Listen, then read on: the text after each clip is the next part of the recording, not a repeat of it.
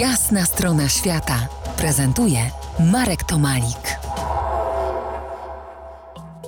Dziś rozmowy o budowaniu odporności psychicznej, y, także w dość nowatorski, wręcz y, robotyczny sposób. Moim gościem pozostaje zaangażowany w te dzieła słynny polarnik Marek Kamiński. Y, Marku, przypomnij proszę, kim jest, czy też kim była robotka Noa, z którą podróżowałeś. Tak, no rzeczywiście Noa była dosyć ważnym elementem mojego życia, bo jakby na, w pewnym etapie wydawało mi się, że właśnie, że roboty pozwolą nam przezwyciężać różne trudności, które napotykamy właśnie w tym zmieniającym się szybko świecie. Roboty? Roboty, a nie ludzie? Postawiłeś na, jednak na maszynę, a nie na człowieka? Analiza tego, w jaki sposób będzie następować jakby epidemia chociażby depresji, jasno pokazuje, że zresztą to widzimy po tym po fakcie, jak długo trzeba czekać do psychologa, psychiatry i ten czas będzie się raczej wydłużał niż skracał. Więc może nie tyle roboty, chodziło bardziej o technologię. Ten robot ma pewnym symbolem, prawda, symbolem technologii, aplikacji, i dla mnie to była taka próba, żeby, żeby, sprawdzić, na ile rzeczywiście ludzie będą w stanie się zaprzyjaźnić z robotami.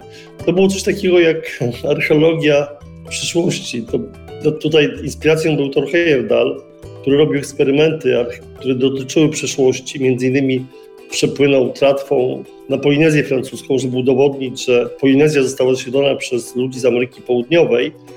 Postać nauczyciela, czy mistrza, czy psychologa, która będzie nas uczyć, wcale nie musi być fizyczna. Że tą wiedzę jakby dużo łatwiej i szybciej, i skuteczniej można przekazywać w pewnym sensie w chmurze. Ale wróćmy może na chwilę do szkoły, do, do edukacji, bo tam program mamy nieco siermiężny, przestarzały i to w skali całej naszej cywilizacji, nie tylko, nie tylko w Polsce. No i w tejże szkole po co się pojawiło? Pojawił się chat GPT. On ma bardzo dużą wiedzę w tym momencie już o świecie. Można z nim nie tylko rozmawiać, ale właśnie wygenerować esej, można kazać mu zaprogramować coś, rozwiąże zadania z matematyki, no to po co, po co w ogóle będziemy chodzić do tej szkoły, jeżeli maszyna za nas rozwiąże prawie każdy problem? no ale nie rozwiąże problemów, e, których sama maszyna nie potrafi jeszcze zdefiniować.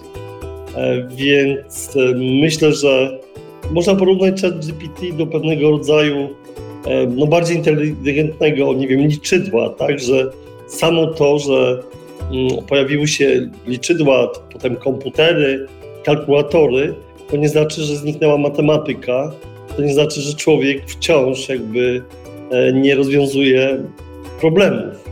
Także mm, wydaje mi się, że ChatGPT to jest taki w pewnym sensie wzmacniacz umysłu, tak? Że on, on powoduje wzmocnienie, ale nie zastąpi ludzkiego umysłu absolutnie.